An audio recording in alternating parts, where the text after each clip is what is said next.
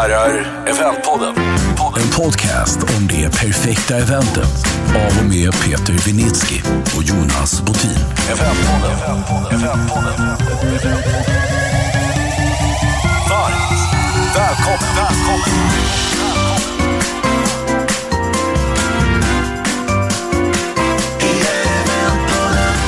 Eventpodden. Det brukar vara så, i min värld i alla fall, att ett fysiskt möte Eh, är första steget och sen så kopplar man på det digitala. Det vill säga man lägger till inslag eller flyttar hela mötet till, till den digitala världen. Idag ska vi prata om, om några som har gjort precis tvärtom. Det börjar väl kanske i någon form av digital tanke och sen har det blivit fysiska möten.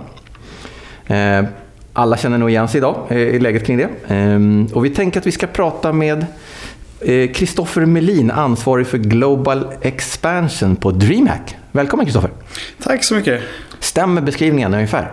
Jo, men det tycker jag väl. Det var ju datorerna och det kring datorerna som skapade mötet från början. Så att, ja, absolut. Ja. Vi ska gå in lite, vi förutsätter att ingen vet vad DreamHack är överhuvudtaget, så du ska få berätta lite senare. Men eh, jag ska börja med att säga att eh, min gode vän eh, och kollega Peter eh, hänger sjuk. Så att, eh, vi, vi får brottas, du och jag tillsammans, Kristoffer.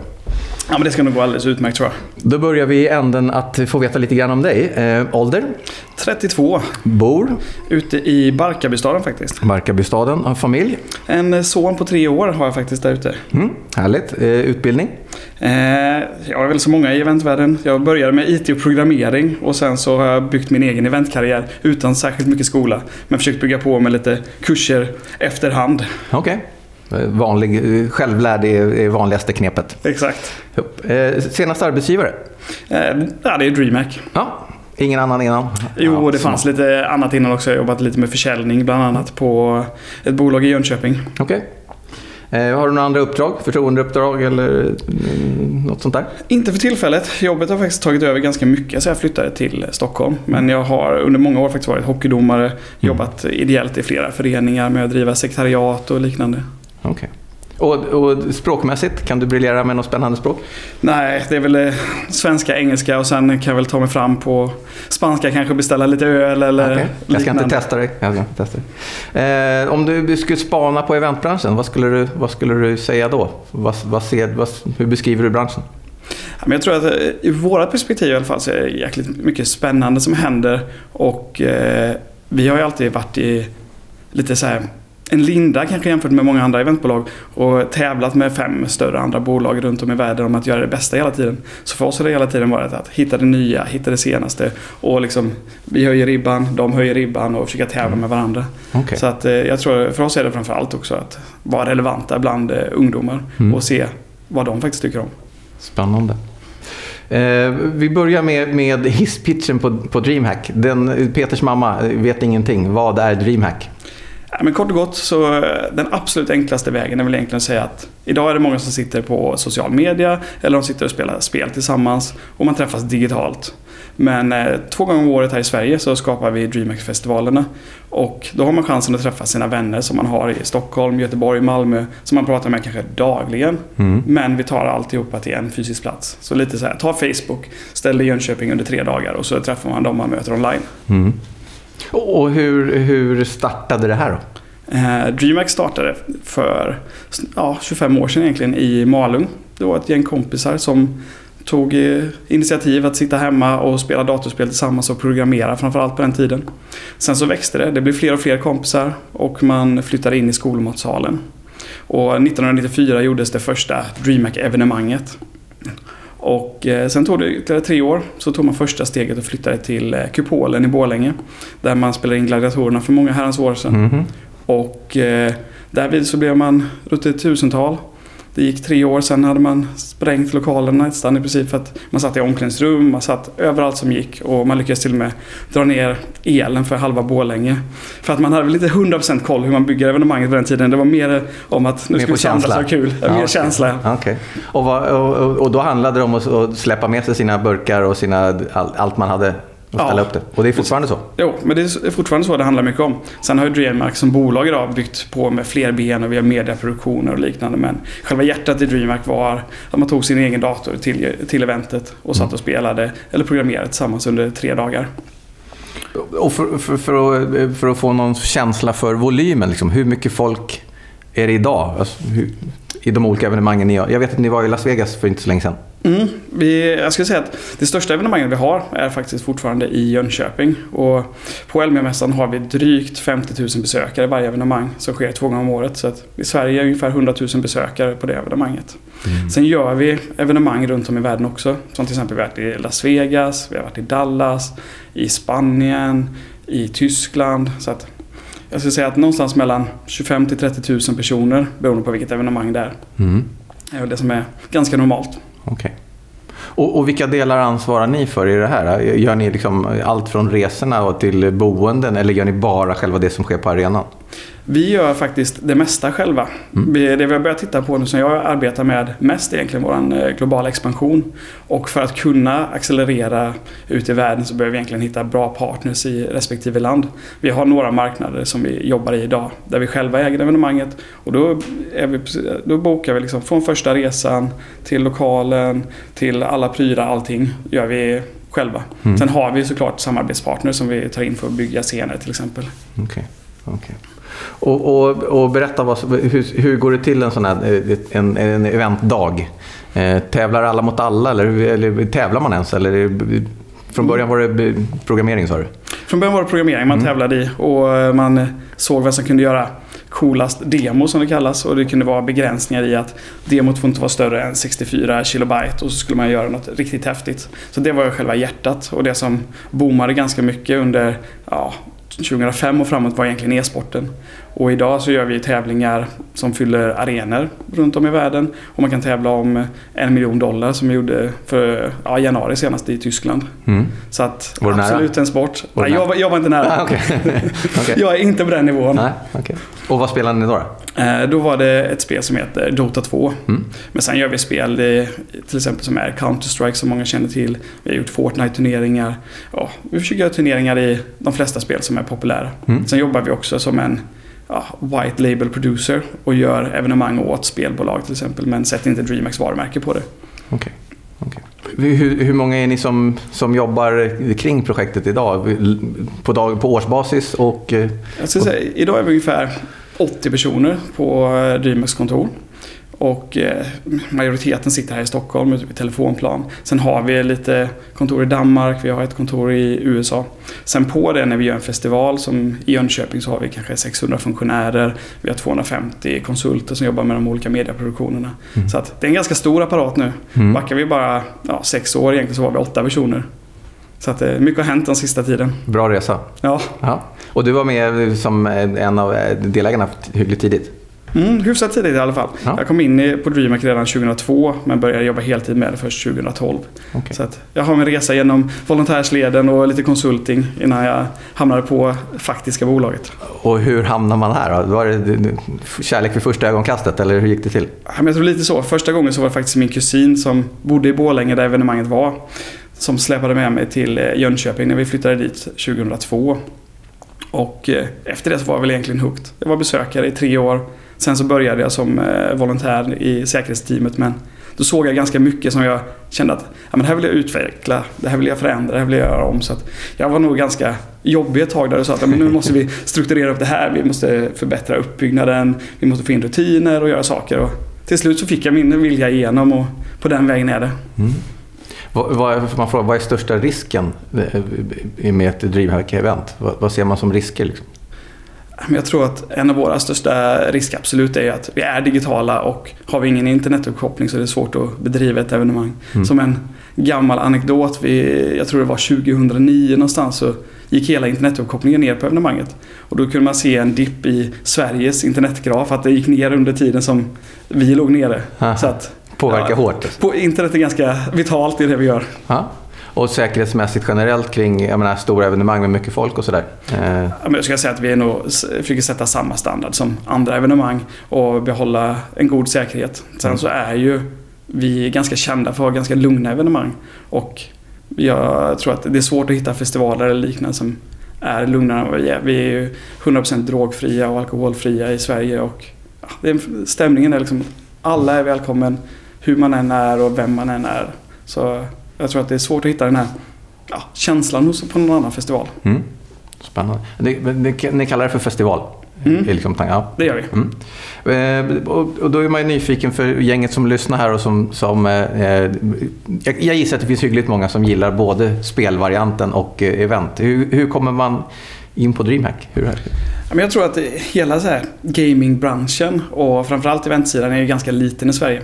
Och den består av många mindre communities i många olika spel. Så jag tror att den lättaste vägen är nog fortfarande idag att hitta en community man tycker om, börja ta plats och, och vilja vara med. Eller som många i vårt bolag har gått via det som vi har, Dreama Crew.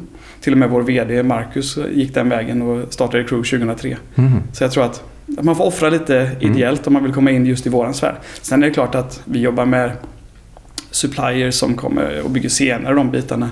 Och den vägen går ju också att komma. Mm.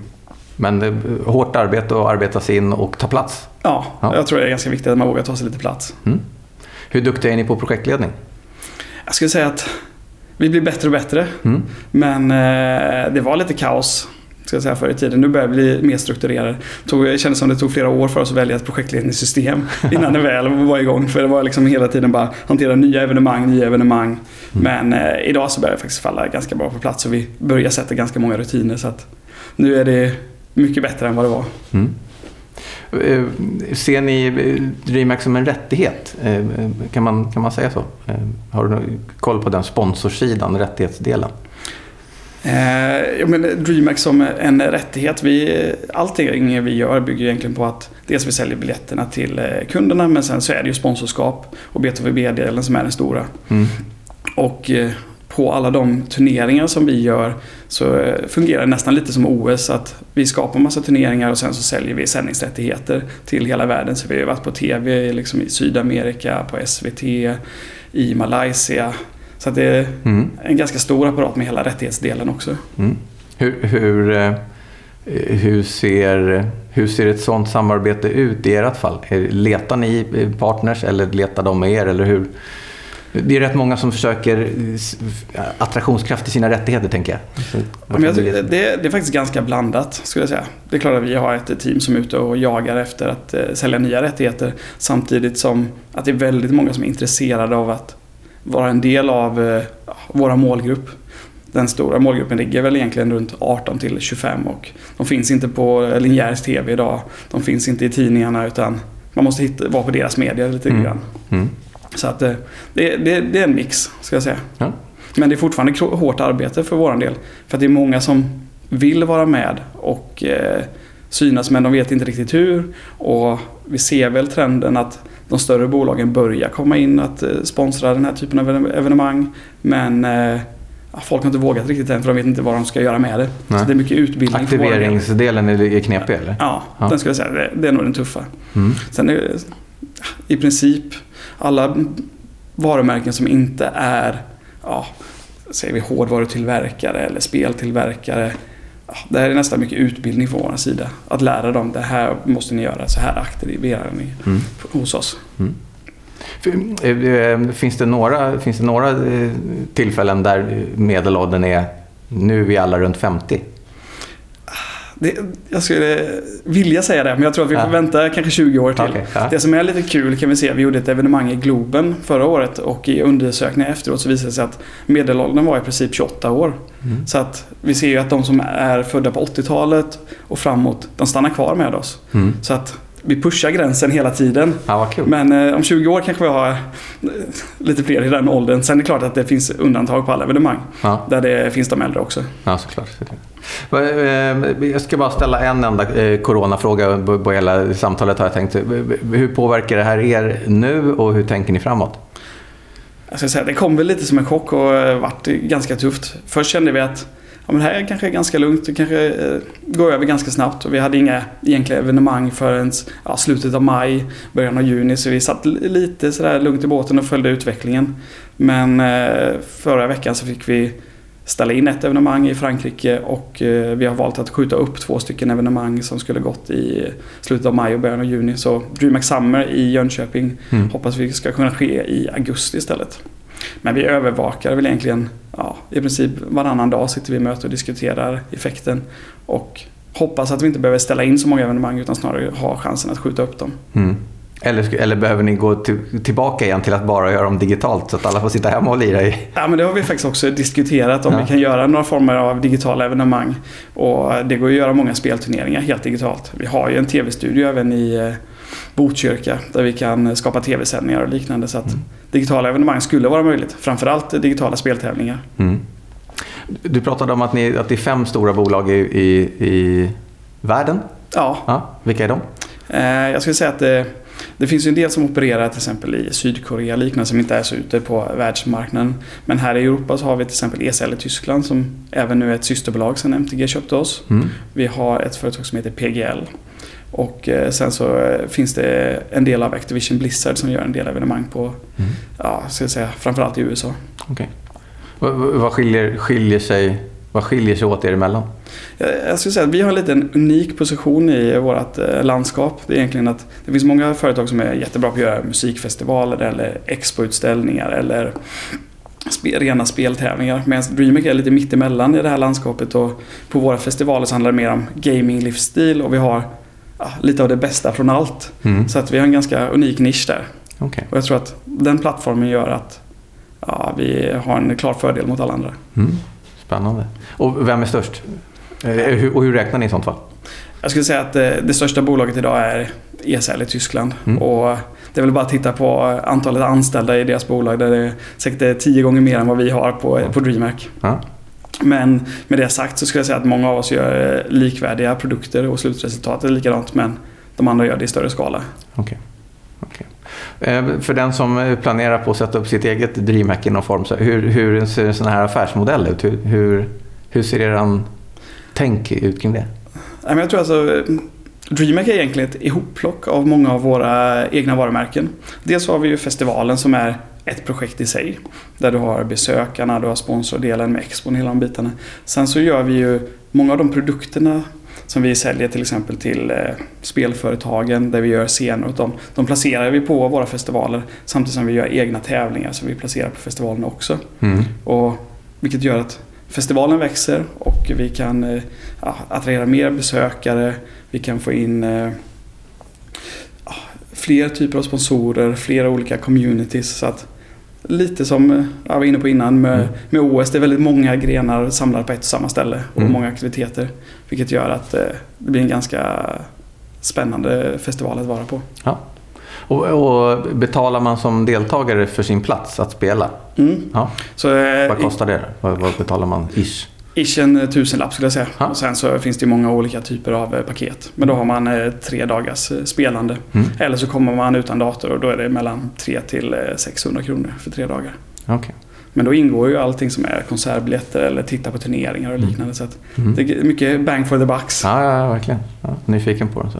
Och, och, ehm, eh, och med eran modell eh, bakåt, ni har sponsorintäkten, ni har deltagarintäkter, ni har Medierättigheter. medierättigheterna. Och sen så har vi ju ja, produktionsintäkter egentligen när Ja. vi producerar åt andra bolag. Ja, spännande. Och, och eh, om vi tittar framåt för DreamHack, vad, vad, vart är ni på väg? Vilket håll drar ni åt? Jag tror min högst egna tes är att eh, vi står ganska bra i det vi gör och kan fortsätta med det vi gör idag. Mm. För många av de andra turneringarna som pågår runt om i världen är egentligen tre stycken dagar och man sitter i en arena, tittar på ett spel under 12 timmar. Och hur många andra sporter i världen går du och tittar så länge på en och samma gren? Ah, kri- cricket och det Ja, är ingen kolla på? Världsrekordet i cricket är på Ja. 45 dagar eller vad det är. ja, precis. Så jag tror att eh, våran grej är att vi kan erbjuda så mycket och så många olika aktiviteter på festivalen. Vilket jag tror att det är hållbart i längden. Sen är det klart att det kommer alltid finnas kvar de största turneringarna med världsmästerskap och liknande. Mm. Som folk kommer titta på. Men jag tror att vi har en fördel där. Att vi har så mycket som händer på våra festivaler. Mm. Nu, det här är, nu, vi har ju något manus som vi försöker följa, men här kommer en följdfråga som jag bara... Ja. Eh, kan man fuska? Eh, Jag skulle säga att klart allting är möjligt. Ja. Och det har ju hänt i den professionella scenen. Men eh, idag så finns det ju Dels så eh, låser vi ner alla datorer och liknande som är på de stora tävlingarna. Mm. Och sen så finns det ju spelarfack och liknande idag. Så Mm. att är det någon som sticker ut för mycket så syns det så väl. Så att det är nästan ingen idé att fuska. Okej. Och eh, det är svårt att fuska. Hur skulle man ta fuska? doping. Alltså hur? Men det är sådana fall som har varit, det har varit programvara som har gjort att du siktar automatiskt till exempel och Aha. du kanske kan se genom väggar. Men det är så tydligt när någon annan tittar på det som tredje person att försvinner siktet upp till höger helt plötsligt. Ja, det är ingen normal reaktion. Nej, Så att det, det syns ganska tydligt när de fuskar på det sättet. okej, okej, jag förstår. Ehm, och, och de som är bäst på det här då? Ehm, de som vinner de stora tävlingarna så här, vad, de lever på det här och åker runt och hur, Ja. och, ja, hur, hur ser en sån vardag ut? Jag skulle säga att många av dem lever nog ja, ungefär som ett normalt arbetsliv. Kanske lite längre arbetstider. Mm. De sitter och tränar en 8-10 timmar per dag. Och sen så är de, framförallt i Counter-Strike, ute och reser i princip nästan varje vecka på stora turneringar. Och tävlar runt om i hela världen. Så att eh, det är ett ganska tufft schema skulle jag säga. Mm. Men eh, även de har börjat skapa till exempel spelarunioner som man får sluta avtal med och försöka hålla deras standard för att deras vardag ska fungera. Mm. Vem är bäst? Har vi någon svensk som är bäst? Vi har eh, ganska, varit ganska starka i Sverige genom åren. Och vi har ju olika legender som till exempel som Hiton som har varit med i Mästarnas Mästare här i Sverige. Men i, idag så har vi ett svenskt lag som heter NIP som har gått väldigt bra de senaste åren. Vi har ett lag som heter Fnatic. Vi har ett ny, ny, ganska ny återuppstått lag med många svenskar som är Dignitas. Mm. Som är lite på uppgång. Mm. Svenska lagen har väl de senaste åren varit lite, lite sämre än eh, åren innan det. Okej. Men eh, vi har stora klassiska lag inom e-sportens värld i Sverige. Mm. Spännande. Och, och, och eh, du som eh, ansvarig för gl- globala expansionen, vad, hur snabbt och vad och hur tänker ni? Jag tror att eh, för att vi ska kunna expandera i framtiden så behöver vi alltid ha hjälp av en lokal partner. För det är svårt att sitta i Stockholm och gissa sig fram hur man ska marknadsföra sig i Kina eller i ja, Afrika eller någonting. Det är lite som att dra fingret i luften. Ska vi gå höger eller vänster? Mm. Så att vi har ju märkt att vi behöver hitta en eh, lokal partner i respektive land som dels kan vara med och operera evenemanget rent på ett operationellt sätt men även kunna vara med och ge riktning på marknadsföring och liknande. Så att Mm. vad vi tittar på är väl egentligen ja, liknande en franchise-modell. Så ett av mina största uppdrag just nu och utmaningar är väl egentligen att skriva en bok tillsammans med mina kollegor. Hur gör man ett DreamHack-evenemang så att det blir en Mm. Keystone Manualen. Solution. Exakt, manualen. Okej, Så att eh, det är jäkligt spännande faktiskt. spännande. Det, eh, det känns ju som en utmaning eh, att, att eh, bara hitta rätt modell för att kunna kopiera på ett enkelt sätt. Ja, jo, men det tror jag definitivt. Och vi tog faktiskt in lite experthjälp av ett företag som har gjort många franchise-utrullningar runt om i världen. För Mm. att se så här, vad är grunderna, hur fungerar det, hur ska man tänka och de bitarna. Och, Mm. ja, men nu har vi chansen lite i den projektgruppen vi satt ihop att forma lite DreamHacks framtid och sätta lite hur vi arbetar. Så att, Spännande. spännande. Vi, läs, vi lär få se mer utav er i olika former. Jo men det tror jag, Mm. definitivt. Förhoppningsvis kan vi sitta här om ett par år och så är det 30-40 evenemang istället för 15 evenemang. Ja, ja det ser vi gärna fram emot. Eventpodden. Eh, vi brukar ju alltid fråga om, om eh, när någonting gick fel. Någon riktig så här blooper. När det- det här... Och så de flesta drar någon så blir det lyckligt på slutet och så löste det sig. Men vi är ute efter det där när det gick fel. För man ska våga chansa lite. Har du någon sån? Alltså jag satt mycket och funderade på det, men så här, jag tror att det är lite så här i eventvärlden. Det finns ju någon gyllene regel som säger att oavsett hur lite tid man har eller hur mycket tid man har så är man alltid klar när det ska, väl ska dra igång. Mm. Och eh, jag kom på massa grejer men alla slutade väl egentligen eh, lyckligt i slutändan. Men vi har så här alla bord som vi bygger i Jönköping det består egentligen av eh, lastpallar och spånskivor. Och så har vi inne ungefär 200 scouter som hjälper till att bygga de här borden. Och ja, en timme innan de skulle komma saknades alla buntband som att sätta ihop dem. Det var lite så här, men Stress? Det, det var lite stress men det var ju bara att åka till Biltema respektive affär och så Mm. löste det sig i slutändan. Eller vi hade... Klassisk projektledning. Ja, exakt. Ja. Vi glömde pokalen till en turnering i Stockholm. Fem timmar innan finalen så var är pokalen? Ja, men den är i Stockholm. Men ja, vi körde halva vägen, det löste sig. Så, så det är svårt att hitta de som verkligen har gått snett. Men hade en incident egentligen som var att vi använde mycket av Ikeas här klassiska bord till eh, olika spelområden och liknande. Och vi saknade ett par hundra ben. Och eh, den som ansvarar för det här, det, finns inga ben. De är eh, borta. Liksom. Jag lovar, det finns inga. Jag har gått igenom hela Elmia Och jag var ganska, jo de finns här. Men så han bara, nej nu hittar vi inte dem. Så till slut så gav vi upp för att vi var tvungna att komma vidare. Så då åkte vi och köpte ett par hundra ben. Men ja, lagom till de var tillbaka då stod vi pallen där på golvet. och Bara väntade med alla ben. Så att, det var väl lite sådär. Det, vi fick lite extra ben i slutändan. Ni har till nästa gång så att det Ja, räcker att bli över. Alltså. Ja. ja, bra. Då tycker jag att vi har fått lära oss ganska mycket spännande om DreamHack och hur man gör event på ett helt annat sätt än kanske de flesta byråer klassiskt gör. Eh, Så uppskattar mycket snacket. Tack för att du tog dig tid och ville vara med oss. Ja, tack. Kul att vara här. Tackar.